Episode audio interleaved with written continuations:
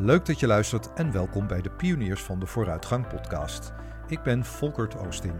Dit is de podcast voor iedereen die op een persoonlijke missie is voor een betere en mooiere wereld. Hier hoor je regelmatig gasten die openhartig vertellen over hun ideale wereld.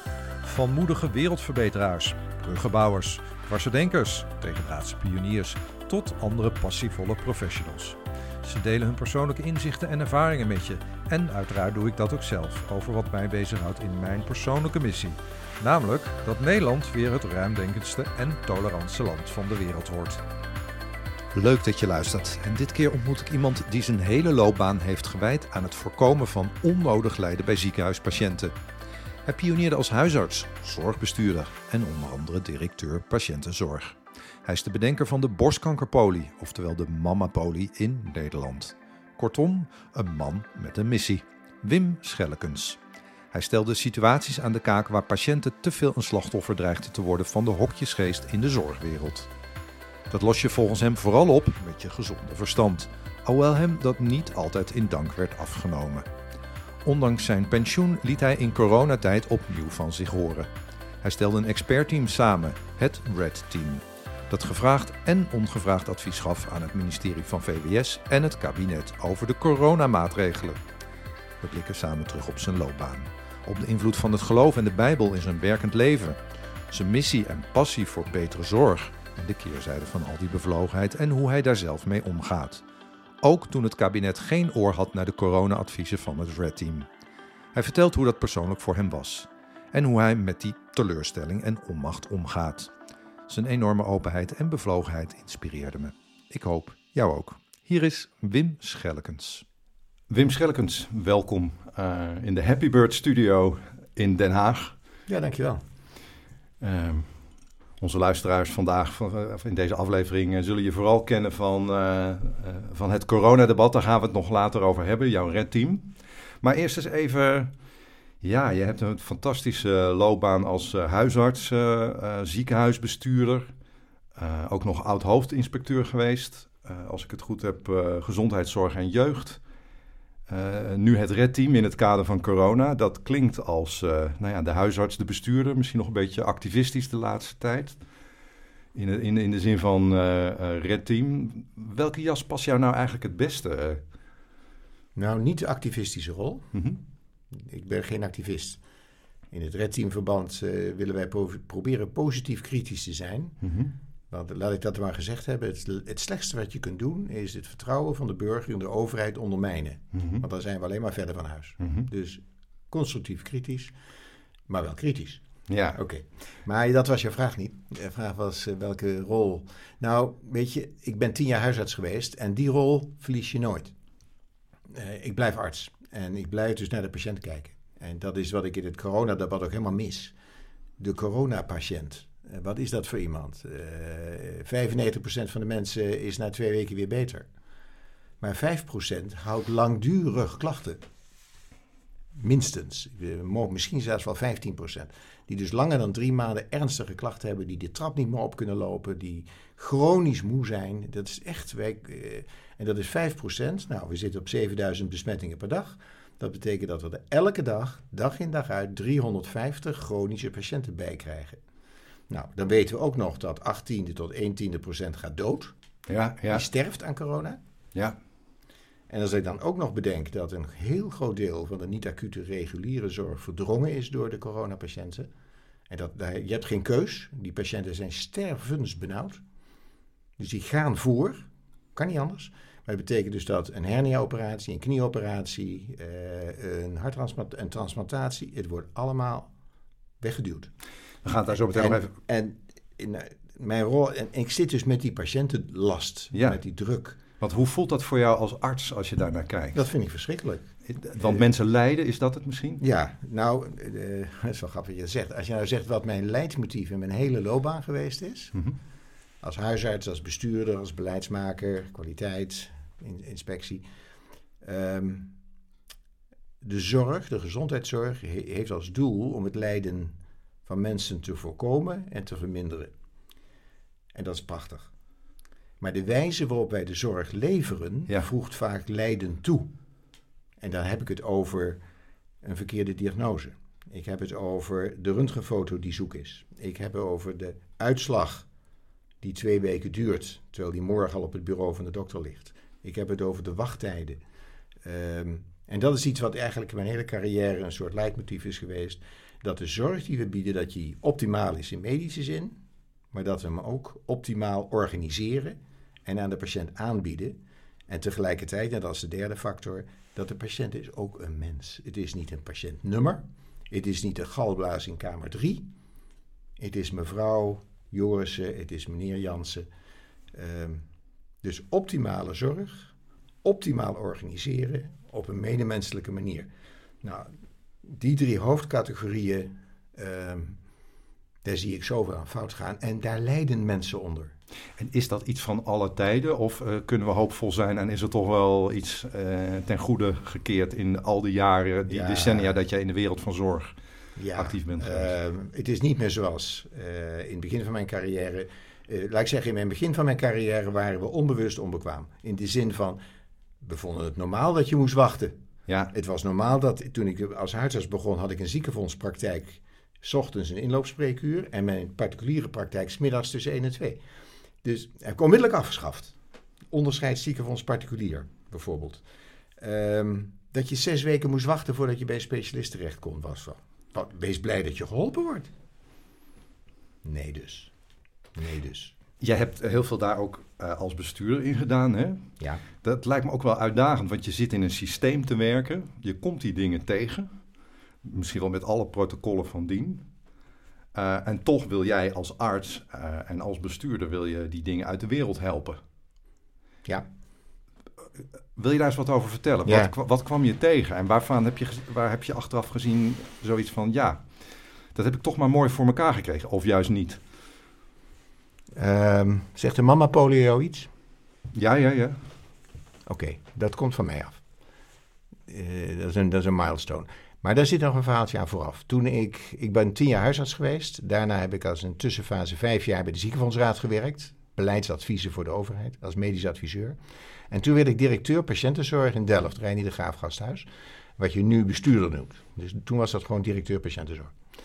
En toen ik daar een jaar zat, ben ik naar de voorzitter van mijn raad van toezicht gegaan, Epita Horst. President-directeur van Gist Brocades in Delft. En ik zei tegen Epi, ik weet niet wat ik in het ziekenhuis doe. Ik heb het hartstikke druk.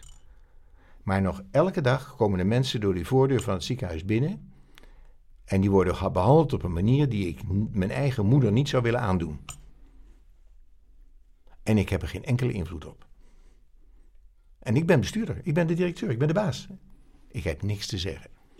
Die dokters gaan hun eigen gang en die organisatie is op een bepaalde manier ontstaan, gegroeid op een manier dat het helemaal niet meer om de patiënt draait. Nou, ik maak het een beetje zwart-wit. Um, maar om het nummer, om het, om het systeem, om... Het systeem functioneert niet rondom de patiënt. Nee, de patiënt functioneert rondom het systeem. En de patiënt uh, is bedoeld... Even, nou, ik maak het weer te zwart-wit hoor. Uh, want de meeste dokters willen de patiënt die voor hun neus zit zo goed mogelijk helpen. En hebben er ontzettende balen van als een elkaar wordt afgezet. Als een uitslag er niet is. Uh, als hij de patiënt in het systeem ziet verdwalen. Maar hij voelt zich machteloos om er wat aan te doen. Dus de motivatie van de dokters en van de verpleegkundigen is niks mis mee. Nog steeds niet. Ze zijn goed opgeleid. Maar ze zijn, zitten op dezelfde manier als ik dat heb ervaren, gevangen in dat systeem. en het is wel wonderlijk hoe dat toen gelopen is. Want als je naar je voorzitter van je raad van toezicht gaat en zegt: Ik weet niet wat ik in dit ziekenhuis doe. Dan zullen de meeste voorzitters zeggen: Voor jou en ander. Als jij dat niet weet, wat moet ik dan met je? Jij bent eindverantwoordelijk. Was dat dan ook spannend om te zeggen? Of nou, het, achteraf nee. Het, was gewoon, ik ben, ja, ik, zo ben je. Zo ben ik, zo zit ik in elkaar. Als ik dat vind, dan zeg ik dat. Achteraf gezien was het wel een beetje naïef. En ook wel een beetje riskant. Ja. ja. Maar Epiter Horst was een wijs man. En die zei, dan ga jij volgende week, notabene, volgende week maak je je agenda twee dagen vrij. En dan ga je naar een conferentie. Making Quality Happen, the Upper Management Role. Making Quality Happen, the Upper Management Role. Oftewel, als jij aan kwaliteit wil werken, wat is dan de rol van de baas? En dat is van het Amerikaanse Juran Instituut. En dat is een kwaliteitsinstituut dat bedrijfsleven helpt om kwaliteit te leveren. En daar ga jij naartoe. Uh, het grappige was, Eppie was erelid daar. Ah. En ik ben daar naartoe gegaan. Ik heb daar twee dagen rondgelopen. Uh, ik heb meneer Duran zelf, zelf ontmoet enzovoort. En in die twee dagen heb ik dingen gehoord die voor mij volstrekt gezond verstand waren. Als ik op een zondagmiddag mijzelf de goede vraag had gesteld, had ik zelf de antwoorden kunnen bedenken. Zo simpel is het. Was dat voor jou ook een eye-opener? Een absolute eye-opener. In welke zin? Nou, een paar principes. Um, moet niet te diep op, anders wordt het een kwaliteitscollege. um, maar het was voor mij een eye-opener. Zorg is een proces. Zorg is dus niet die dokter en die patiënt. Dat is maar een stukje van het proces. Want daarna gaat die patiënt naar het laboratorium, die gaat naar de röntgenafdeling en die gaat nog naar de, de, de, de operatiekamer, naar de IC, de verpleegafdeling. En dat is een keten van het proces. Waarbij elke stap geleid wordt door professionals. Een dokter, een verpleegkundige enzovoort. En het gaat binnen die stappen vaak heel goed, maar tussen die stappen is het een drama. Waarom? Omdat elke stap is georganiseerd op zichzelf. Dus de polykliniek is een eenheid, de, de, de, de röntgenafdeling is een eenheid, de, het afsprakenbureau functioneert voor zichzelf. En niemand heeft in de gaten hoe die patiënt door dat systeem gaat. En zo is de managementstructuur, want de managementstructuur, ik gaf leiding aan een hoofdmedische dienst die leiding gaf aan de röntgenafdeling. En het enige waarop die werd afgerekend is dat die röntgenafdeling goed functioneert. Dat de OK goed functioneert. Iedereen ah, heeft ook zijn eigen budget. En niemand had in de gaten dat die patiënt gewoon verdwaalt in dat systeem. Hij moet steeds wachten. Nou, dat, nou even maak ik even een sprong. We hebben dat toegepast in het, uh, in het ziekenhuis. Overigens niet zonder slag of stoot. Maar toen ik thuis kwam, zeiden ze van... Uh, als we zes weken wachten, maait het wel weer over. Zo, zo werkt dat als je als... maar goed. Ehm, ik heb mensen meegenomen enzovoort. En toen ons eerste project was de Mama.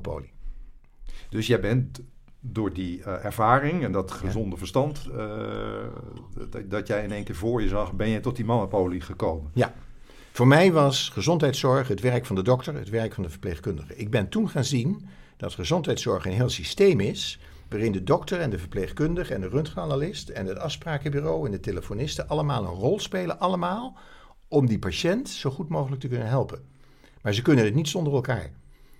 Nou, wat wij bij patiënten met borstkanker, want daar ging het om, de mamapolie. Mama is borst. De mamapolie, uh, uh, de patiënten die bij ons opbelden, die, uh, het duurde tussen de zes tot acht weken voordat de diagnose gesteld was. En dat komt omdat de patiënt maakt een afspraak, kan over vier dagen bij de chirurg terecht.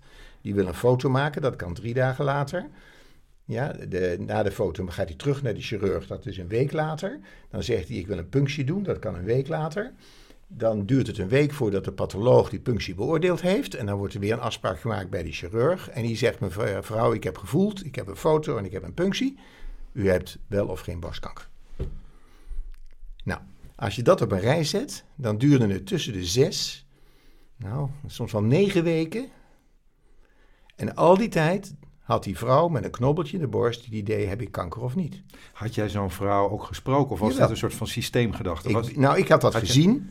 en ik zei, dit, is niet, dit, dit, kan niet waar zijn. Je sprak ook een patiënt? Of ja hoor, ja. ik kreeg er ook klachten over. Ja. En toen hebben wij al die mensen aan één tafel. En dat is de eerste doorbraak. Een chirurg, een, een radioloog, een patholoog, het hoofd van het afsprakenbureau, de telefonist, hoofd van de röntgenafdeling, hoofd van de pathologische afdeling. Allemaal aan één tafel. En weet je wat het eerste is wat ze deden? Nou? Kennis maken. Die mensen kennen elkaar niet. Die spraken nooit met elkaar. Ze behandelden dezelfde categorie mensen, maar hadden nooit met elkaar gesproken over wat heb jij nou nodig van mij, opdat jij je werk goed kan doen. Wat heb ik van jou nodig, opdat ik mijn werk weer goed kan doen. Dus dat gesprek, heb jij daarmee enorme... En, en toen hebben we met elkaar, dat was de eerste doorbraak, kennis maken. Ik schrok me wild. Tweede was, we hebben toen dat proces op een rij gezet. Hoe gaat dit, de patiënt door dat systeem heen? En toen bleek dus die enorme variatie in die doorstroomtijd. Dat wist niemand. Iedereen ziet alleen zijn eigen stukje. Niemand ziet het geheel. En toen zeiden we met elkaar, dit kan niet waar zijn. Toen hebben we dit proces gewoon letterlijk in de prullenmat gegooid. En zeiden, we gaan het opnieuw bedenken. Nou, slot van het liedje is, patiënt die vandaag belt, heeft morgen, een uitsla- eh, morgen de eerste afspraak en heeft om half één de uitslag.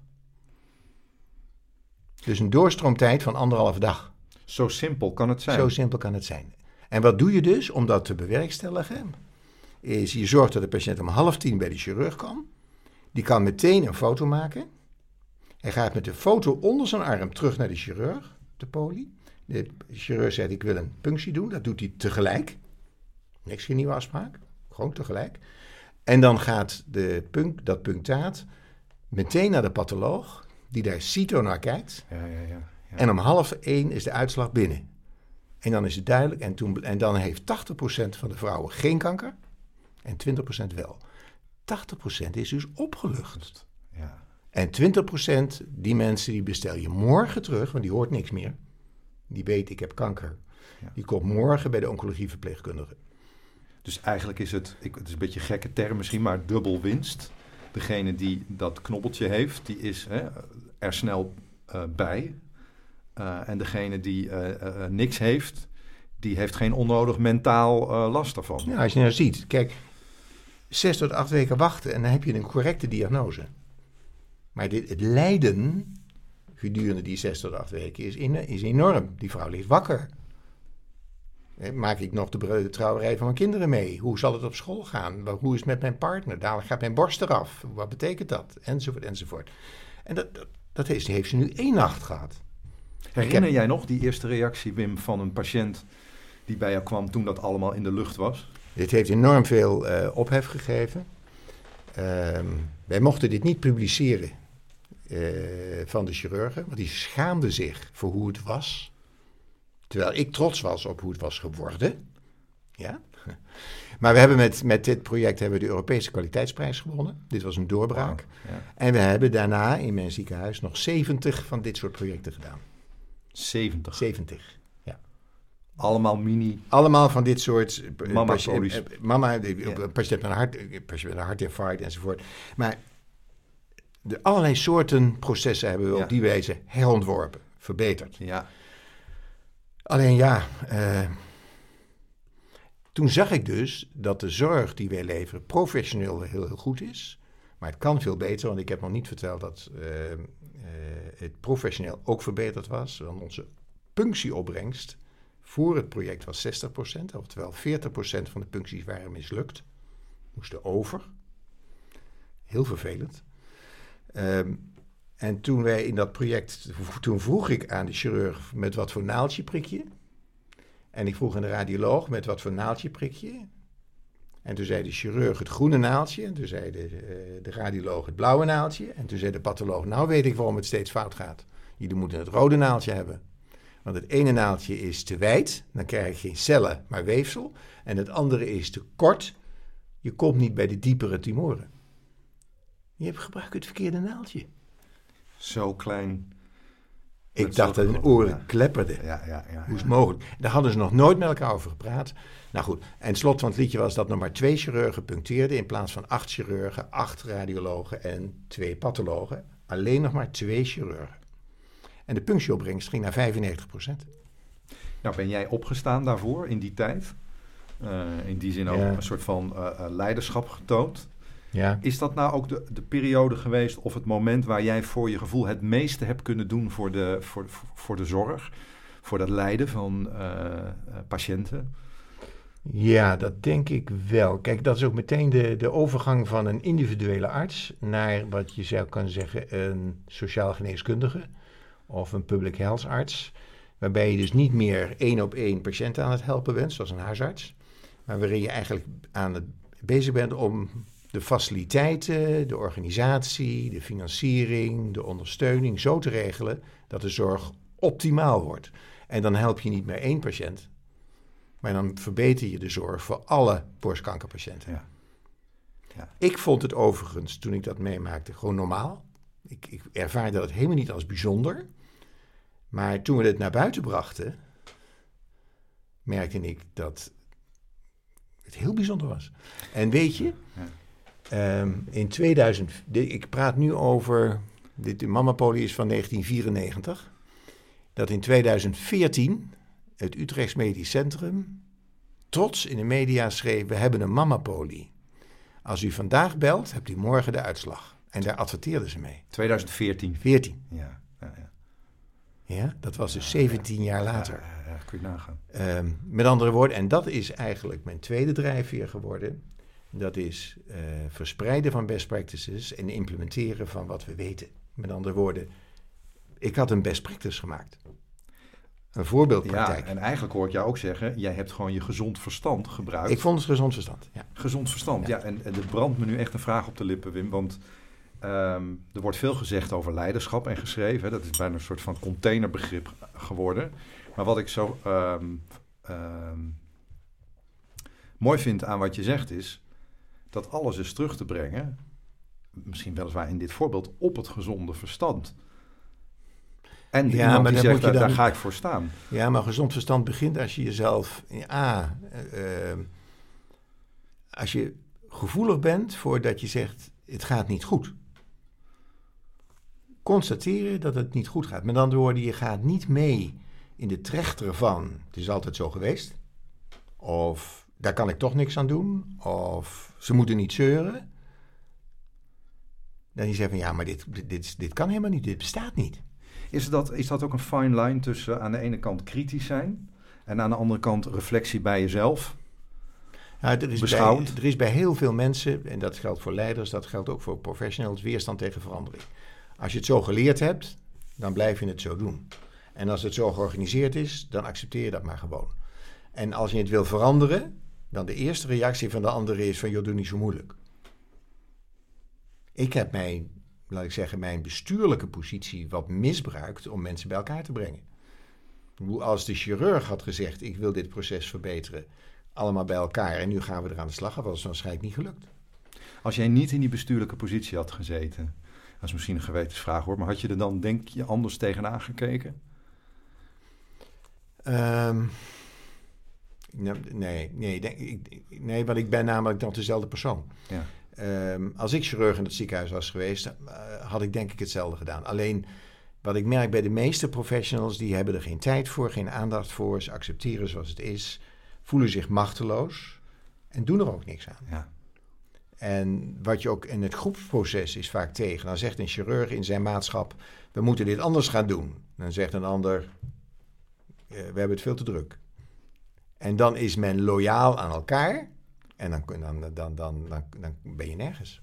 Is dan die mama-poli eigenlijk ook een soort... je noemde het daar straks ook een leidmotief even... geworden in jouw verdere loopbaan... in situaties waarvan je dacht... nou, ik loop nu zo tegen de beperkingen op van het systeem... of mensen, eh, geen idee... Eh, maar ik heb dat gedaan met de mama-poli... dus als het daar kan, kan het hier ook. Ja, nou, ik weet nog goed dat eh, toen ik zeven jaar in Delft zat... en toen hadden we de grote wachtlijst in de zorg. Daar was Els Borst was daar nogal mee begaan. Ehm, en toen heb ik haar geschreven wat wij daar in Delft mee hadden gedaan. Toen heeft ze me uitgenodigd. En toen heb ik een doorstroomproject kunnen doen... samen met zeven andere ziekenhuizen. In de ziekenhuisketen was dat. En toen hebben we in zeven ziekenhuizen... de wachtlijsten van een aantal aandoeningen gewoon drastisch teruggebracht. Niet door vergroting van de capaciteit, maar door een andere manier van organiseren. Gewoon met dezelfde hoeveelheid mensen, dezelfde hoeveelheid geld, dezelfde hoeveelheid kennis, konden we veel meer. Ehm, na mijn ziekenhuisperiode, ik ben dus negen jaar in Delft geweest, werd ik gevraagd voor het Kwaliteitsinstituut in eh, Utrecht, Kwaliteitsinstituut voor de Gezondheidszorg. En dat was voor mij de mogelijkheid om wat ik één op één in Delft had gedaan, om dat voor Nederland te vermenigvuldigen. Want toen had ik ineens een positie eh, voor alle Nederlandse ziekenhuizen. Nou, en dat heeft geleid tot doorbraakprojecten. We hebben de projecten sneller beter gehad. Ik denk dat jij nog te jong bent om dat nog te Ja, maar ik weet nog wel dat ik een jaar op een wachtlijst stond... Ja, die je net noemde, eh, voor een Ah. hartoperatie toen ik Ja. 30 was. ja, Nou, dat is een, eh, dat is een ramp. dat is een ramp, dat is een, dat is een pittige tijd geweest. Ja. In, maar dat was 2000. Dit noem ik nou onnodig lijden. Ja, ja. Want jij bent natuurlijk, je bent na dat jaar fantastisch geholpen, ongetwijfeld. Ja. Ja. Eh, maar je hebt een jaar lang gewoon een rot leven gehad. ja. En Ja. vooral ook de onzekerheid. Hoe lang duurt Nou, het dat nog? komt, als je het zegt, komt het nog bij me binnen. Ja. Dat, dat, dat, dat, dat en ook in het ziekenhuis heb ik dingen meegemaakt waar de zorg, zoals je zegt, goed was. En ik ben hè, gelukkig... eh, Professioneel goed. en professioneel goed. Maar ik heb ook gezien, op, ik lag uiteraard 24 uur op de intensive care. En ik lag vol met morfine natuurlijk. Maar ik zag door mijn ooghoek heen, een, iedereen was met lunchpauze. Een, eh, ik denk, hoe noem je dat in ziekenhuisterm? Iemand die net begint, een co-arts of iemand die zijn kooschappen doet, geloof ik. En eh, ik zag haar, eh, ik zag een traan over haar wang diggelen, terwijl er iemand daar op sterven lag. En een week later stond er een, ehm, een, een, eh, een, een pacemaker technicus aan mijn bed, of een arts, ik weet niet meer. Die zei, ja meneer, u heeft nu dit en dit. En, en alsof het even zo, nou ja, achterloos... Zo, Voor hem was het routine. Zo van, ja, u, bent, u gaat voortaan met een pacemaker door het leven. En ik had een, een week gestruggeld met allerlei eh, complicaties en dingen. Ja, dus dat raakt, hè, als jij mij nu vertelt over jouw ervaring, dat raakt bij mij die snaar meteen. meteen. Nou ja, ik moet denken aan mijn eigen huisarts. Die eh, heeft een hartoperatie ondergaan. Dat is, dat is professioneel perfect gegaan. Ja. Maar hij heeft zich de hele opnameperiode zo angstig gevoeld. Niemand vertelde hem wat er aan de hand was. Hij voelde van alles en wist niet of dat wel goed was. En de verpleegkundigen zeiden, oh, dat is allemaal normaal. Hij heeft zijn chirurg niet meer teruggezien. De, de, de, de artsen vertelden niet hoe het was gegaan. Hij zegt, het, het ging allemaal volmaakt. Maar ik was zo onzeker. En dat is een lijdensweg. Ja, en dat is wel nodig. Ja, dat is zeker Dat is waar. hartstikke onnodig. Ja. Nou, dat is ook een eye-opener voor mij, hè, nu je dit zo Ja. zegt. eh, Overigens, het is in, de, in die, nou ja, het is nu eh 30, 40 jaar geleden. Er is wel veel veranderd al hoor. De bewustzijn is veel groter geworden. Ehm, be- be- ja, eh, er wordt minder geaccepteerd. Eh, de patiënt is mondiger geworden. De patiëntenbeweging is mondiger. Eh, artsen zijn er meer van bewust geworden. En nou ja, daar heb ik een rol in gespeeld. Ik zie overigens mensen nu die dezelfde benaderingen toepassen. En weten helemaal niet meer dat ik er ooit mee begonnen ben. Maar je staat altijd op de schouders van een ander. En Ja. ik heb ook naar om wie's schouders heb ik gestaan. ja. Nou, dat is Epieter Horst. Dat was ook een van jouw voorbeelden misschien wel? Ja, en dat is dat Juran Instituut, eh, eh, met name Maureen Bisignano, is, is, is van later Instituut for Healthcare Improvement in Boston, is een coach voor mij geweest. En ik sta op hun schouders. En wat inspireerde eh, jou in het contact? In dat, je noemde een coach. ja, Maureen Bisignano, daar heb ik heel veel aan te danken. Eh, dat is een verpleegkundige die bestuurder was geworden van een, eh, een ziekenhuis in Amerika. En dezelfde fasen doorging als ik. Maar dan op een gegeven moment ook zei van ja, dit kan zo niet, dit moet anders. Ik weet niet hoe. Door een ander op de weg gebracht hoe dat zou kunnen. En veranderingen teweeg heeft gebracht. En ik weet nog goed dat, en eh, dat is een aantal jaren later was dat, dat wij in fusie zaten met het Dierkenhuis Voorburg. En fusie is een tijd waarin er wordt gevochten, waarin er ruzie is, waarin eh, een vreselijke tijd. Eh, het ging ook over de overleven van de, raad, van de Raad van Bestuur. Met andere woorden, wij, hadden vier eh, bestuurders in Delft en eentje in Voorburg. En dat was een arts. Nou, ik was een van de vier in Delft. En ik ben een arts. Dus als je dat bij elkaar voegt, wie moet er dan weg? Niet die ene uit Voorburg. Dat is onhandig. Dus ik ging ervan uit, ik moet weg. Na de fusie. Dus ik heb mijn werk bij mijn werk blijven doen. Aan het eind van de fusie was iedereen weg, behalve ik. Nou, en de, de, de strijd die dat gaf enzovoort. En in die tijd was er een kwaliteitscongres in Parijs waar ik naartoe ging. En daar sprak ik Maureen en ik was compleet gedemotiveerd. Ik, ik zag het echt niet meer zitten. En hoe kwam het dan dat jij alsnog op die, voor zover je daar iets over kunt zeggen, op die plek zat? Ehm, dat ik de enige overgebleven Ja. ben, omdat ik mijn werk ben blijven doen. Ik ging ervan uit dat ik weg moest. Dus ik ben gewoon mijn werk als directeur patiëntenzorg bij, voor die beide ziekenhuizen blijven doen. En die anderen die vochten om hun positie. Die probeerden de medische staf achter zich te krijgen. Die probeerden de ondernemersraad achter zich te krijgen. Die probeerden de, de, de, de managers achter zich te krijgen. Steun te zoeken bij de Raad van Toezicht. En daar heb ik me helemaal niet mee bezig gehouden. Nou, en de Raad van Toezicht heeft dat ook gezien. Ja.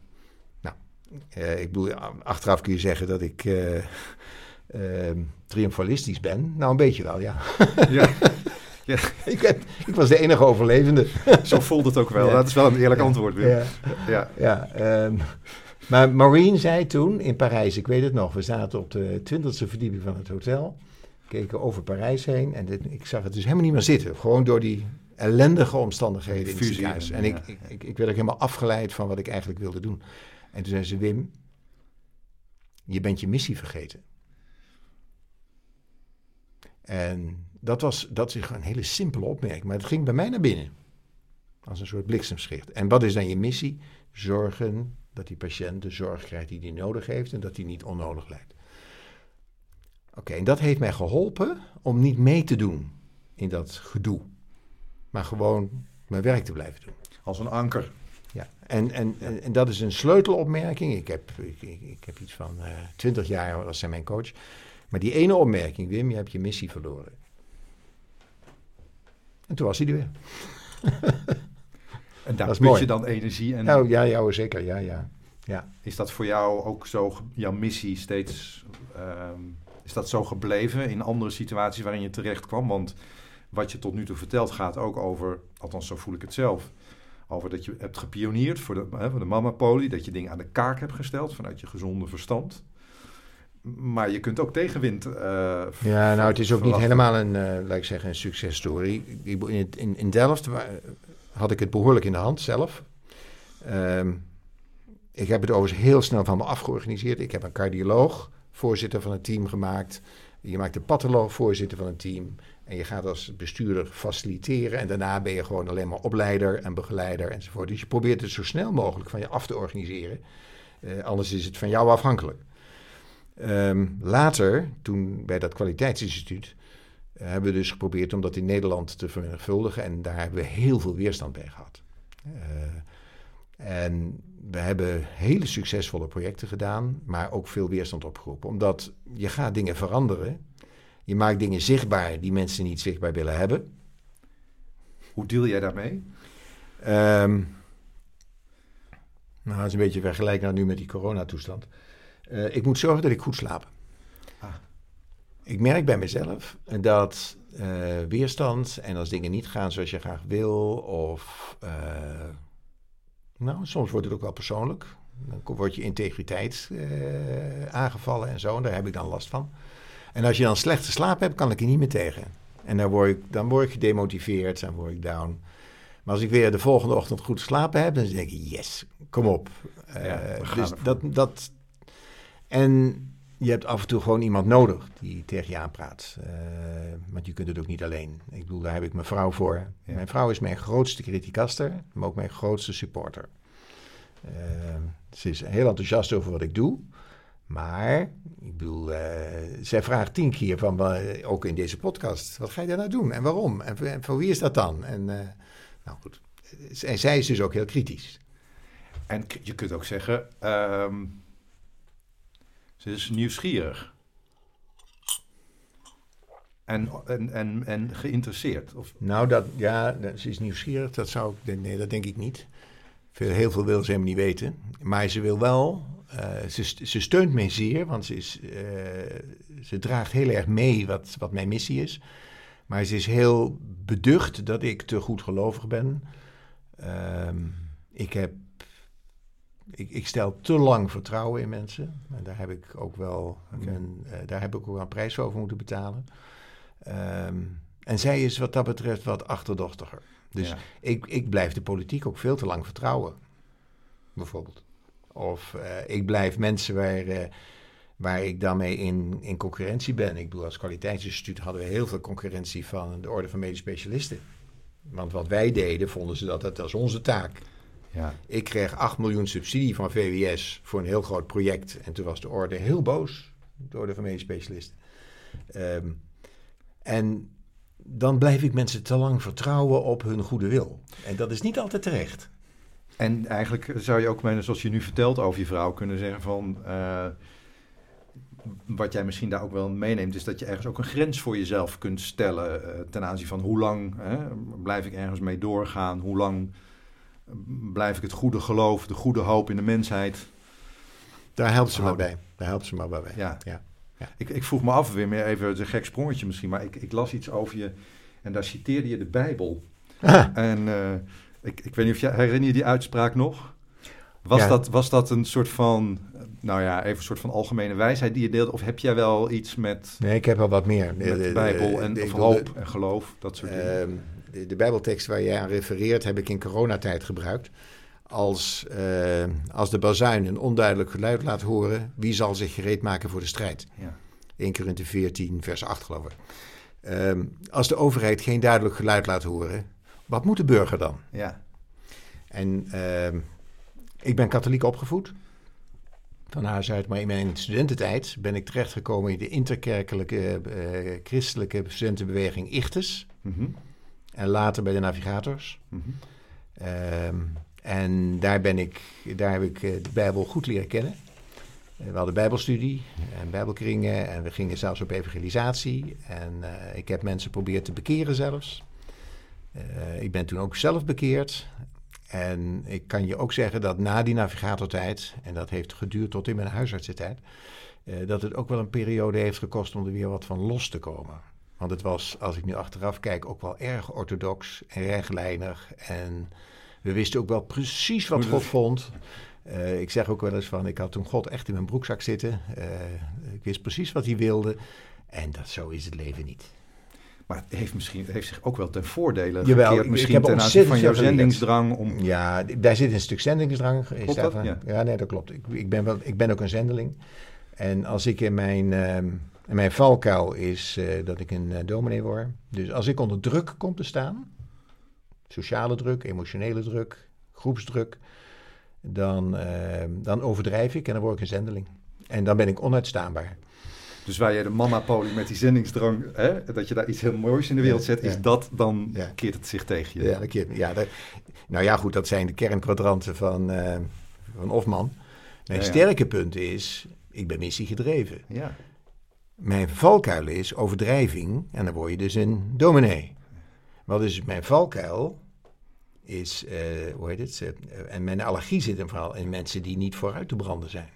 Daar kan ik niet mee omgaan. Mensen die lui zijn of eh, ja, af- afspraken niet nakomen. Gelaten. of, ja, dat, daar kan ik helemaal niet tegen. Nee, want jij gelooft in de vooruitgang. Ja, Ja. ja. Dat, dat is dan even misschien een bruggetje ook nog naar, hè, van waar jij nu heel veel mee hebt gedaan de afgelopen tijd. Eh, ook met al jouw professionele ervaring in de zin van corona.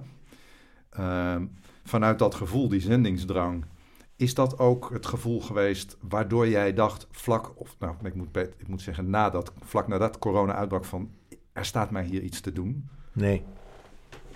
Nee, zo is het niet gegaan. Ik heb me er vanaf het begin wel sterk in verdiept. Ehm, het is al een aantal jaren dat ik twitter, veel twitter, ook, ook over mijn missie. Ehm, ik heb nu ik heb iets van eh 8500 volgers. Dus ik- ik heb wel een, ik heb wel een tribune. Een achterban? Ja, ik heb een tribune. Ja. Ehm, en ik ging over corona eh, twitteren, over hoe het op mij overkwam. Hoe, en over hoe de regering het deed enzovoort. En dan merk je op een gegeven moment dat je gelijkgestemden tegenkomt. Eh, of mensen die je kritische vragen gaan stellen. En toen in juni eh, zijn we bij elkaar gaan zitten. Eh, niet letterlijk, want dat mocht niet. Eh, leden van het Red Team heb ik wel eens ontmoet. Ik heb er één keer een bijeenkomst fysiek gehad. En voor de rest Dat online. niet. Nee, allemaal nee, video. ja. Ja. Ehm, En- maar toen hebben wij in juli een brief verstuurd over dat we vonden dat het echt anders moest. Ehm, Maar dat, je, want je dat gaat heel snel, hè? want je, je bent Ja. gaan bellen dus eigenlijk. Nou ja, op een gegeven moment ben, ja, ga je bellen, ga je Ga appen, je ga je bellen, bellen. ja. En, ik wil eens met je discussiëren enzovoort. En zo vonden we elkaar. En toen hebben we gezegd, nu gaan we gewoon... en Toen hebben we een product gemaakt waarvan we dachten van ja, dit zou toegevoegde waarde kunnen hebben in de beleidsaanpak van het kabinet. Dus ik stel mezelf voor, je bent gaan bellen een paar weken lang en dan ontstaat een soort van bonding, een soort van Ja. gevoel samen, waardoor je denkt, ontstaat als groep iets te doen. Ja, zeker. We hadden, ook, we hadden trouwens als groep ook wel iets gemeenschappelijks. En dat was namelijk dat we allemaal door VWS waren uitgenodigd als experts in de Lessons Learned traject van de zomer. Dus in die zomer vorig jaar zijn iets van 200 Nederlandse experts benaderd om, e- om de eerste golf te evalueren. Dus we hadden een stukje erkenning van VWS als dat we experts waren. Ah, ja, Dus dat was een stukje, laat ik zeggen... Motivatie eh, misschien ook wel. nou ja, een stukje, hoe heet zoiets? Een, Een schouderklopje? een scho- nee, een, Nee. eh, wat een militair hier iets heeft. Oh, dus, dus soort... de- de- de- ja. Ik- We waren niet willekeurige We raken Nederlanders. onze schouders nu Ja, aan de... we, hadden, we hadden drie sterren. epaulet, ja. Ja, epa- ja. zoiets, ja. ja. Ehm, en dus we waren experts. En we hebben die brief gestuurd. Dat, dat, heeft ruim de pers gehaald. We zijn veel in de pers geweest. Ehm, het kabinet wilde niet luisteren. Wilde ook niet met ons praten. OMT wilde niet met ons praten. Ehm, en ik kan me dat ook wel een beetje voorstellen. Er komen ineens twaalf willekeurige Nederlanders... die komen even bedweterig Vertellen. zeggen hoe het anders moet. Ja. Ja, moela. Ik bedoel, Ja. ik snap dat wel. Ehm, later bleek dat we veel meer gelijk hebben gehad. Eh, helaas, moet ik zeggen. Ehm, de Tweede Kamer was wel open. We, hebben, we zijn twee keer hebben een hoorzitting gehad in de Tweede Kamer. En, en dan gaat er ook wel wat gebeuren, hoor. Maar goed. Dan ehm, komt er wel heel veel op je af in één Ja, keer. nee, ik Dan- moet zeggen, Over goed slapen kijk, gesproken. Kijk, wij zijn met z'n twaalfen in dat redteam. En daarvan zijn er elf met een volle baan. Ja. De twaalfde niet, dat ben ik. Eh, ik ben gepensioneerd. En ik zie dit ook een beetje als mijn laatste stuiptrekking. Professioneel dan. Ja. ja. Ik, ben ook, ik ben ook nog grootvader en opa. Dat zijn ook stuiptrekkingen. Ja, maar dit is, mijn laatste, dit is mijn laatste. Ik heb acht kleinkinderen. Ach, kleinkinderen, mooi. En eh, helaas twee in Zuid-Afrika. En die heb ik nu al bijna anderhalf jaar niet ja, gezien. ah, dat is heel vervelend. Ja. Maar ehm, goed, FaceTime gaat ook. ja. Ehm, ehm, we zijn met z'n twaalfen en dat, en dat he- betekent ook wel dat in de eerste fase... kijk, prioriteit is altijd een kwestie van, van energie en van, en van motivatie.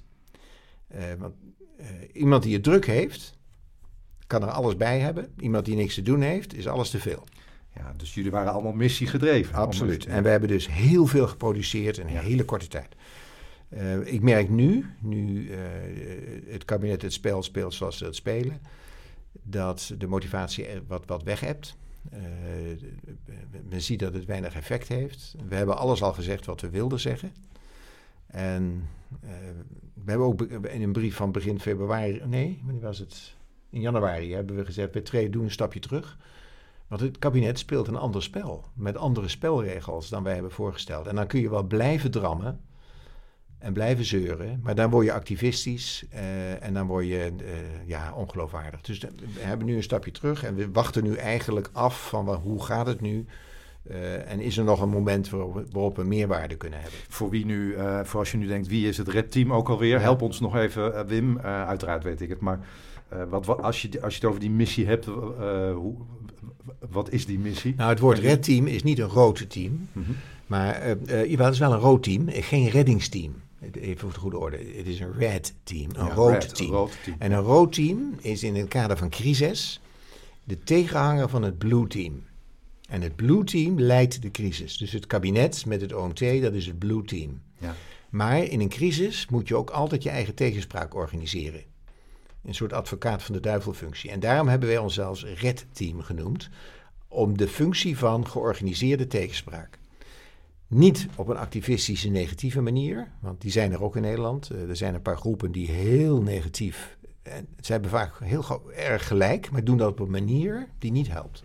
Dus wij hebben gezegd: onze waarden zijn constructief kritisch vanuit onze expertfunctie. Maar wat laatste wat we willen is het, is het gezag van het kabinet ondermijnen. Met dan- als eindstation dat corona snel achter de rug is. Ja. Dus zo simpel is ja, het onze, on- kijk, onze visie is, kijk wat het kabinet, er zijn, nou, nou, nou wordt het wat, misschien te veel hoor, dan moet je maar maar stoppen. Er zijn vier manieren om de corona-pandemie te bestrijden. Dat is de eerste plaats, laat het maar gewoon gaan. Tot we kudde-immuniteit hebben. Zo is het kabinet ook begonnen met de eerste persconferentie. Laat het maar gaan. Dan krijgen we binnen twee, drie, vier maanden hebben we kudde-immuniteit. En dan zijn we er doorheen, is iedereen Ja. immuun. Ja. Nou, dat is onmogelijk. Waarom? A, het is een te dodelijke ziekte. Het zou 134.000 doden hebben gegeven. En bovendien, dan worden er veel te veel mensen te snel heel erg ziek. Waardoor onze ziekenhuizen compleet in chaos zouden veranderen. Nou, die plaatjes hebben we gezien van Italië en Londen en Brazilië. Ja. Dus dat is één, dat kan niet.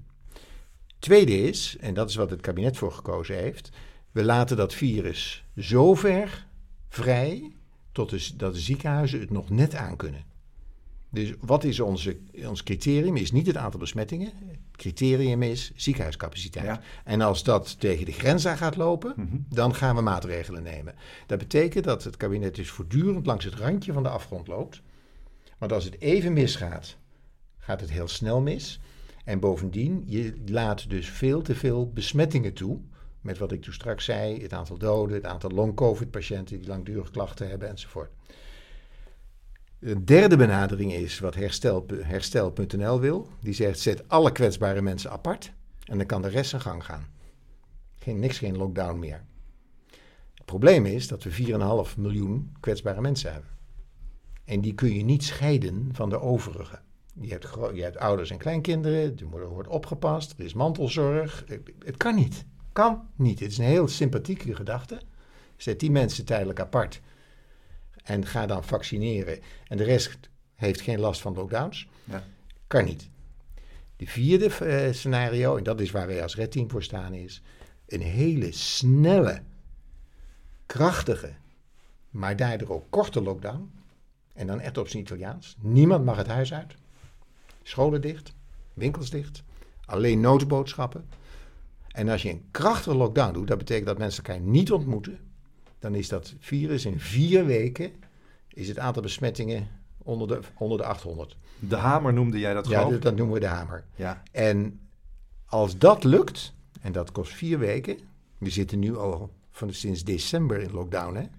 Ja. En de perspectief is juni. Ja. Eindeloos, vreselijk. Bij onze visie is vier weken, maar dan ook krachtig. En daarna alles erop hou- houden om die besmettingen laag te houden. Met bron- en contactonderzoek, testen en vaccineren. En dan kan de economie open. Dan kunnen we vrijwel alles doen. Winkels zijn open, horeca is open. Het enige wat we nog moeten doen, is afstand houden. ja, wij zitten nu ook met een, eh Met een spatscherm, en een spatscherm afstand, ons. en- spatscherm. Ja, ja. En dat moet je blijven doen, want Ja. je moet elkaar niet blijven besche- besmetten. We hebben op dit moment 150.000 besmette Nederlanders. Ja. Hey, en, en Wim, even dan over die, hè, over die vier scenario's en het scenario waar jullie voor staan. Eh, je vertelde me net ook over je zendingsdrang en dat jij persoonlijk als mens graag de vooruitgang ziet. Je hebt veel eh, bestuurlijk werk gedaan. Daar ben je ook aan het pionieren geweest met de Mama Poli. Daar krijg je dingen ook voor elkaar. Ik kan me voorstellen dat, eh, je noemde net even het kabinet, eh, die een hele andere, eh, eh, ander spel speelt, dat het voor jou persoonlijk ook best wel. Ja, hoe was dat eigenlijk persoonlijk als ik dan kabinet haar eigen koers volgt en jij met jullie met ziel en zaligheid? Nou, dan ga je door de nodige emoties heen, dan kan je zeggen. Ik eh, mijn, mijn topmomenten in de afgelopen half jaar zijn geweest... de hoorzitting in de Tweede Kamer. Dat je daar ineens mag vertellen wat je wil. Ehm, Wa- Want waarom was dat een topmoment? Nou ja, ik bedoel, daar, daar kun je dus je missie kwijt aan Ja. mensen die iets te zeggen hebben. Dat, dat was fantastisch.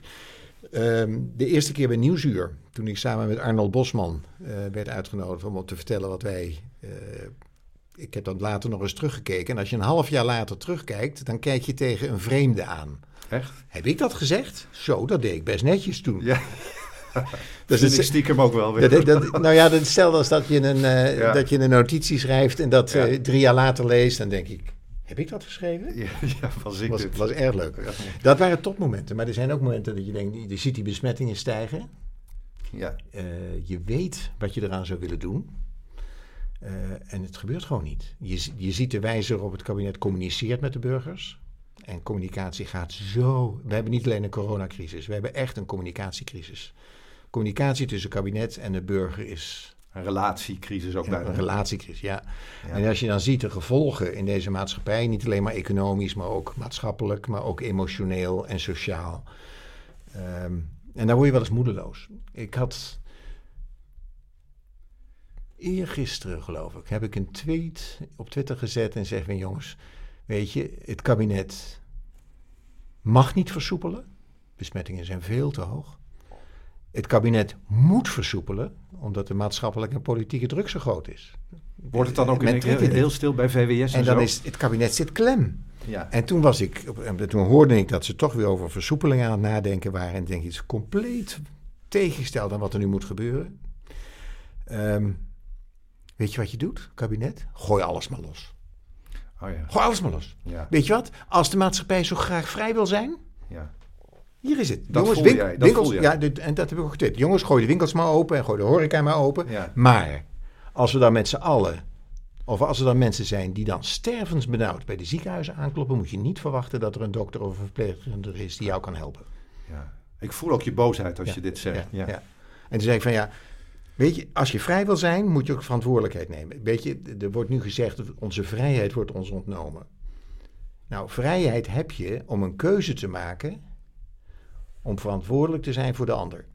En wat we in de coronatijd doen is afstand houden, niet omdat je dat zelf zo leuk vindt, maar omdat ik jou wil beschermen. En waarom ga ik in quarantaine? Dat doe ik helemaal niet voor mezelf, want ik ben misschien wel besmet. Ja. Nee, dat doe ik om jou niet te besmetten. En vrijheid is de vrijwillige keuze om verantwoordelijkheid te nemen voor de ander. Hoe lang gaat dan vanuit jouw missie ook, waar je het daar straks eh, met jouw coach in Parijs over had, het menselijk lijden. Hoe lang gaat deze. Stel, we hebben alle vaccinaties op zak, hè? Ehm, hoe lang gaat deze crisis naeilen? Ik dacht een paar weken geleden, ik heb het niet getwitterd, ook niet op mijn LinkedIn gezet, maar we gaan door deze crisis heen. Ik vertelde net over mijn ziekenhuiservaring. Stel, je zou dat even als beeldspraak gebruiken. Je, je ondergaat iets, iets ingrijpends voor ons allemaal, voor alle Nederlanders. En daar heerst voor mij nu ook een soort van collectieve gevoel van... als we die vaccinaties maar op zak hebben, dan is de patiënt beter. En dan, eh, eh, nou, dan gaan we weer eh, met de dingen aan de slag, weet ik veel, waar we altijd mee bezig waren. Of net iets is anders. Ik denk dan, nou ja, ik wil niet het woord trauma noemen... maar de, samenleving zal ook flink veel tijd nodig hebben om hiervan bij te komen. Ik ben heel benieuwd hoe jij daar tegenaan kijkt. Ja. Ehm, als je dat zo zegt, dan heb ik drie eh, reacties. Eerst, is het waar? Gaat vaccinatie ons redden? Daar wil ik wel iets over zeggen. Maar dat is een beetje technisch. Ehm, twee, de maatschappij heeft een trauma. Dat klopt. Eh, onze maatschappelijke verhoudingen zijn verstoord. En wat er heel duidelijk zichtbaar is, de zwakke punten in, ons, eh, in onze maatschappij, sociaal, em- emotioneel, logistiek, financieel, de zwakke punten zijn genadeloos blootgelegd. En de grote vraag is, zijn wij bereid om daar wat aan te doen? Met andere woorden, zijn wij bereid als maatschappij daarvan te leren? En daar heb ik een beetje een hard hoofd in. Eh, ik, ik heb een beetje het gevoel, maar als Red zitten we daar ook over na te denken. Hebben we niet veel meer nu een verantwoordelijkheid voor die tijd daarna? Ehm, om onszelf de goede vragen te stellen. Ja. En de processen zodanig te begeleiden dat we de lessen die we geleerd hebben in deze tijd, dat we die gebruiken om het nu eens grondig anders te doen. En eerlijk gezegd, ik ben daar niet zo positief over. De, de, mensen hebben heel snel toch de neiging om weer in de oude eh, eh, gedragingen te vervallen. En dan heb ik het over de zorg. De wijze waarop de zorg georganiseerd is. Wij waren helemaal niet voorbereid op deze crisis. Maar wil je wel voorbereid zijn, dan zullen we fors financieel moeten, moeten, moeten uitbreiden. Informatie en capaciteit. Gaan we dat doen? Dus geen geld. Eh, hoe gaan de banken? Wat doen de banken? Eh, wat doen de brancheorganisaties? Eh, hoe zit het met de partijpolitieke verhoudingen?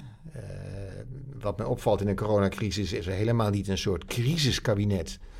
Ehm, het, het, het, gaat, het gaat veel meer over de partijpolitieke verhoudingen. Het gaat veel meer over de electorale winst. En, daar, dat vind ik heel teleurstellend, eerlijk gezegd. En dat, dan heb je het alleen nog over de instituties, eh, de politieke systemen. Maar als je het kijkt, eh, we hebben het nu steeds over dat die IC's vollopen. Maar eh, nou ja, even los van of de vac, dat is misschien wel een beetje een technische discussie, of vaccinaties gaan helpen. Maar stel we komen op een punt dat we het gevoel hebben, we kunnen het wel langzaam achter ons laten. Dan hebben we misschien wel hetzelfde gesprek met z'n allen van, kunnen die wachtkamers van psychiaters, van psychologen, ik, ik denk ook aan, nou, nou ja, aan kinderen, jij hebt zelf kleinkinderen, maar aan kinderen, aan allerlei mensen die hier echt mentaal lijden ook van hebben, kunnen we die opvangen? Ja. Daar moeten we overigens wel veel rationeler in worden. Want Ja? eh, ik heb gezien in de afgelopen maanden dat het, het emotionele, emotionele lijden en sociale lijden ook heel sterk is overdreven. Eh, ik geloof er persoonlijk helemaal niet zo in dat kinderen heel erg te lijden hebben van het feit dat ze th- thuisonderwijs hebben gekregen. Of dat ze daar blijvende schade van oplopen. Misschien een stukje. En misschien een deel. Eh, kinderen die daarvoor al kwetsbaar waren. Of, of, of, of ehm, maar bijvoorbeeld de, de belangenbehartiging om de scholen weer te openen. Is, is gedreven door een onderzoek. wat gedaan is door een instituut. die zei dat 80% van de kinderen er schade door opliep. Maar dat instituut had tegelijkertijd ook een aanbod van hulp. om daar iets aan te doen. En het, het, het klopte van geen kanten. Het is, het is echt onzin. Dus als jij... Ik, dit- ik denk dat het wel meevalt. En dan hadden ze het over anorexie, dat dat zo enorm toenam. De zelfmoord bij kinderen nam in. En dit is aantoonbaar niet waar. Dus voor de goede orde, Wim, dat ik jou goed begrijp, dat, eh, dat, dat we je goed begrijpen. Als jij het hebt over een trauma daarnet, Ja, een, co- een collectief trauma, heb je het Ja. dan meer over het trauma in nou, die politieke verhoudingen? waar ja het over ik heb het over vertrouwen. Het, het, het, eh, het verlies aan vertrouwen in de overheid. eh, het Aha. vertrouwen in rechtszekerheid. Maar goed, daar, daar, daar doet zo'n belastingtoeslagenaffaire eh, draagt er ook aan bij. Ja. Ehm, de, het, het, de, de hokjesgeest, in de, dat zie je nu ook in de crisis. eh, de hokjesgeest, wie is verantwoordelijk voor wat? Ehm, we hebben helemaal geen centralistische eh, crisisorganisatie. De, de minister heeft heel weinig te zeggen. Als hij zegt vaccineren, vaccineren, vaccineren. En er zijn een heleboel instanties die daarmee te maken hebben. En die zeggen van we doen het op onze eigen manier. Nou, dan weet je hoe het gaat. Ehm, ja.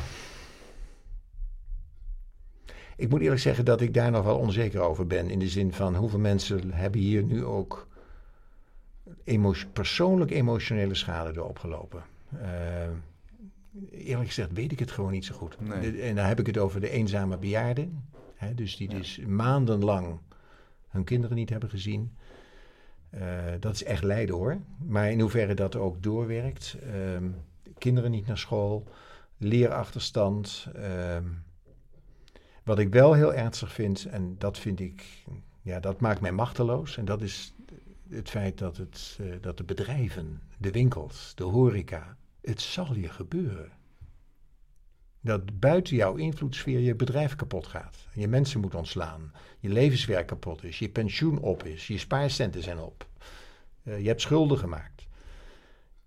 Dat vind ik nog wel. Ja, dat, eh, ik, daar, ik vind trouwens dat we daar als maatschappij ook een verantwoordelijkheid in hebben. Deze mensen die buiten hun schulden om zo in de problemen zijn gekomen, moet je, die moet je helpen. ja. Die moet je helpen. En dat is ook iets waarvan jij net eigenlijk aangeeft dat gesprek. Dit raakt jou als mens, het raakt mij ook. Ik ben daar ook enorm van onder de indruk wat dat met ondernemers doet. Ja, Ik ben zelf ook ondernemer, maar niet op die manier. ja, Eh, maar mij gaat het gelukkig goed. ja. Ehm, dus het raakt mij ook. Maar je zei net ook van, dat is misschien ook wel iets waar, waar jij van voelt dat het redteam daar nog iets in te doen staat. Nou ja, de Of- vraag is of wij, en daar zitten we over na te denken hoor. Kijk, je, je, moet, je kunt ook niet als een atlas de, de last van de hele wereld op je schouders Nee. nemen. Dat kan gewoon niet. Hoe Dit, groot is, dit is ook te groot. Ja, Dit is te groot. ja. Aan de andere kant, je kunt wel een rol spelen door op het juiste moment, dat is een kwestie ook van timing, de juiste vragen te stellen. Je hoeft niet altijd de oplossingen aan te dragen. Veel mensen zijn bereid na te denken als ze maar de goede vragen krijgen. Ja, ja. Dat is een beetje richting het slot van onze eh, eh, podcast. We zouden hier nog veel langer over kunnen praten, voel ik. Dat gaan we niet, eh, dat gaan we niet doen. Ehm, maar ik zie nog wel even een, een, een vraag die gaat over... Je hebt heel veel gepioneerd. Als ik het even kort mag samenvatten. Ehm, je bent in het red maar ook persoonlijk. Je hebt de telefoon gepakt, mensen gebeld en in één keer was daar een team, een red team. Je bent blijven eh, eh, pionieren.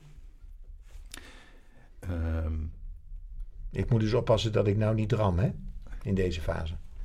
in ons gesprek. Nee, Of in de, in fase, waar- in de fase waarin het redteam nu zit. in, het, in de ja. Ik voel me onder druk staan. Ik zie dat er niet gebeurt wat zou moeten gebeuren. Ik, ik, ik sta onder druk. Ik heb emoties daarover. En mijn grote valkuil is nu dat ik ga drammen. Ook binnen het redteam. Het is interessant dat je dit nu. Ja. Ik vind het mooi dat je dit zo over transparant gesproken openhartig deelt. Want ik wilde je eigenlijk vragen van. Zou je met wat je nu hebt gedaan je zei in jouw loopbaan, je bent gepensioneerd, maar dit is ook bijna nog een klus op zich. Ja. Hè? Zou je er ook op een andere manier naar kunnen kijken van ik heb dit gedaan, ik heb dit in gang gezet, ik heb gedaan binnen wat in mijn vermogens lag, vanuit mijn missie, ook dat menselijk lijden, ehm, meer kan ik niet doen. Dit is, uh, dit is goed geweest zo? Of voelt het nog als een soort van dilemma, paradox van ja, nee, uh, emotie, dat, dat, er zit toch nog meer in het vat?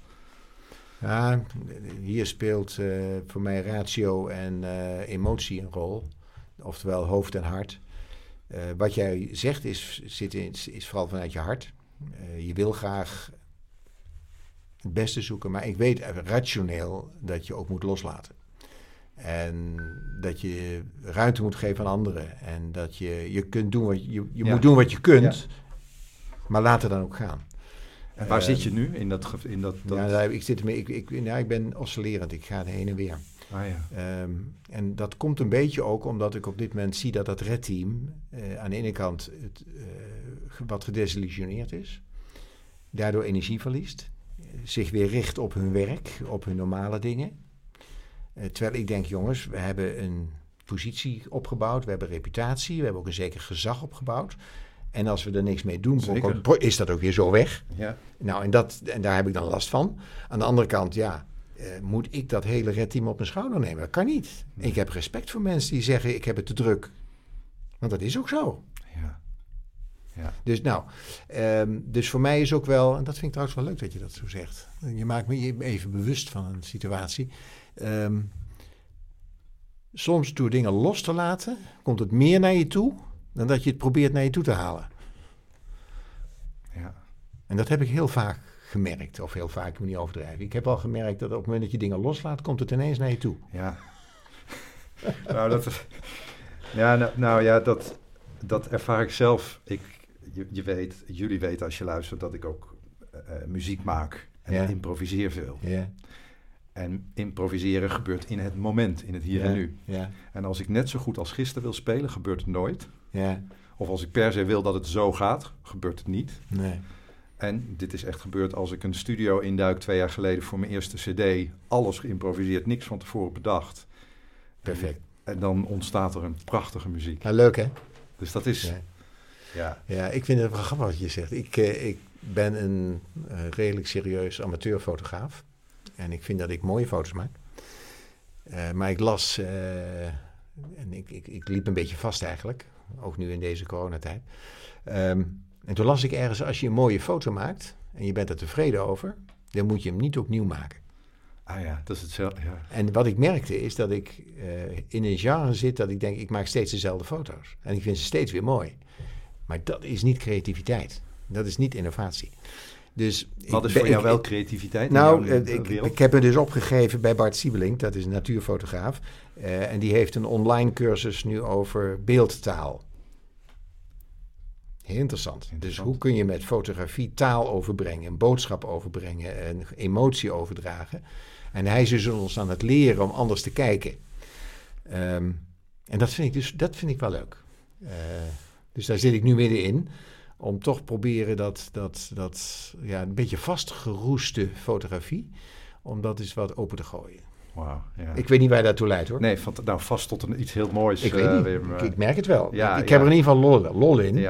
En ik merk het maken van een foto is vaak leuker dan het resultaat. mooi. En dat geldt trouwens ook voor kwaliteit, dat geldt voor corona. Het proces is vaak zo boeiend. Ook met het team. Ik, eh, wat dat betreft was dit ook wel een hele mooie tijd, omdat we in dit redteam, dat was echt een heel mooi team. Het heeft mij gefascineerd wat jullie hebben Ja, gedaan. het is een mooi team en Ja. ik heb daarvan genoten. Ja, En we zitten nu in een fase dat we wat uit elkaar aan het vallen zijn. Eh, en de vraag is, moet ik dat proberen tegen te houden? Of moet ik dat... eh, nou, en ergens moet ik dat ook loslaten. Want als het van mij afhangt, gaat het niet lukken. nee, nee, Het moet ook van hun afkomen. ja, ja. Ik ben nu wel erg open hoor. Dat, maar goed. Nou, ik, het, ehm, ja, ja, dat is misschien dan eh, transparantie ten top. eh, maar laat ik dan nog een, laatste vraag aan je stellen. Is er iets wat we niet hebben besproken nu vandaag in alle openheid, waarvan jij het gevoel hebt, kan van alles zijn, laat ik dat nog gezegd hebben? En als het niet zo is, dan is dat ook helemaal oké. ja, nou, er zijn twee dingen die, als je dat zo zegt, bij me opkomt. We het helemaal niet gehad over het feit dat ik ook nog eh, echtgenoot, vader van drie kinderen en opa van acht kleinkinderen ben. Wat mijn leven nu heel bijzonder maakt. Ik heb altijd gezegd, mijn uh, vrouw staat op de eerste plaats en dan komt mijn werk. Ik heb uh, nog niet zo lang geleden tegen mijn vrouw gezegd dat het gewoon niet waar was. Wow. Natuurlijk ging mijn werk voor. Ja. Maar het was sociaal niet wenselijk om dat te zeggen. Um, en ik geniet dus heel erg van mijn kinderen en kleinkinderen samen met mijn vrouw. Um, het echte en, leven wat dat betreft, of de balans tussen ja, privé en ja, zakelijk, ja. Dat, dat voel je nu meer dan ooit, mag ik het zo zeggen? Ja. Ja. Prachtig. ja, dat had ik, ja. Had ik het anders kunnen doen, dat weet ik niet. Had ik het anders willen doen, ja, maar of het kan, weet ik eigenlijk niet. Um, het tweede is uh, een les. Ik ben um, één keer gesneuveld in een baan. Uh, gemangeld door de politieke verhoudingen buiten mijn werk. Um, waar de Raad van Toezicht gevoelig voor was. En, en dat was dus een fase dat ik echt slachtoffer, me echt geslachtofferd voelde. Volledig in mijn optiek onterecht. Ik ben toen ontzettend goed geholpen door een advocaat. Uh, die mij hielp in de onderhandelingen. En die heeft mij toen gevraagd om op te schrijven wat er allemaal gebeurd was. Hij zegt, en dat moet je in drie stukken Je schrijft in rechte letters op de feiten, in cursief je mening en in een kleurtje je gevoelens. En het feit dat je in zo'n situatie, dan gaan namelijk feiten en meningen en gevoelens lopen dwars door elkaar heen. En om dat te scheiden heeft me ontzettend geholpen. Dus dit zijn de feiten en de, die, die zijn onweerlegbaar. Maar mijn mening is heel wat anders. Ik heb daar een mening over. En mijn gevoelens, dat is nog weer eens een andere vraag. En het gekke is dat in die fase mijn vrouw mij het meest aantrekkelijk heeft gevonden. Want ik was kwetsbaar. Ah, ja. Ik, dat was, dat zijn, was een hele kwetsbare fase in mijn leven. En um, dat heeft zij ontzettend. Uh, daar, daar, komt ze op terug. Vind ik altijd heel vervelend overigens. Want ik ben liever sterk. Ja. En ik kom ook vaak sterk over. Ja. Maar toen was ik kwetsbaar. Toen was ik afgewezen. Uh, weggestuurd, uh, miskend. Uh, nou ja, typische slachtofferrol. Dat zuigt de energie weg uit je leven. Maar die, wat de advocaat toen tegen me gezegd heeft, heeft ontzettend geholpen. Feiten, meningen en gevoelens scheiden. Dat is mooi. Kracht van kwetsbaarheid, daar put jij dus eigenlijk tot op de dag van vandaag, misschien zelfs ook wel het afgelopen half jaar. Ja, nog nou, steeds ik, uit. ik ben niet zo iemand die makkelijk mijn gevoelens deelt. Mm -hmm. uh, maar als ik dat niet doe, dan heb ik een probleem met mijn vrouw. Want die kan niet zo goed leven met een man die alles weet en alles kan en, uh, en zijn gevoelens niet deelt. Daar heeft ze moeite mee. En je kleinkinderen die, die komen hè, kind eigen helemaal ik, ik, vanuit Nou, de het gekke is dat ik er bij de kinderen en kleinkinderen minder moeite mee heb. Ja, ja. Ja, ja. Wim, dankjewel voor dit mooie openhartige gesprek. Oké, dat was leuk. Leuk dat je luisterde. Heb je ideeën, suggesties of ben je geïnspireerd geraakt? Laat het me weten. Via mijn social media, Facebook of LinkedIn bijvoorbeeld. En via mijn website kan natuurlijk ook. www.volkertoosting.nl Voor nu wens ik je een fijne dag en tot de volgende keer.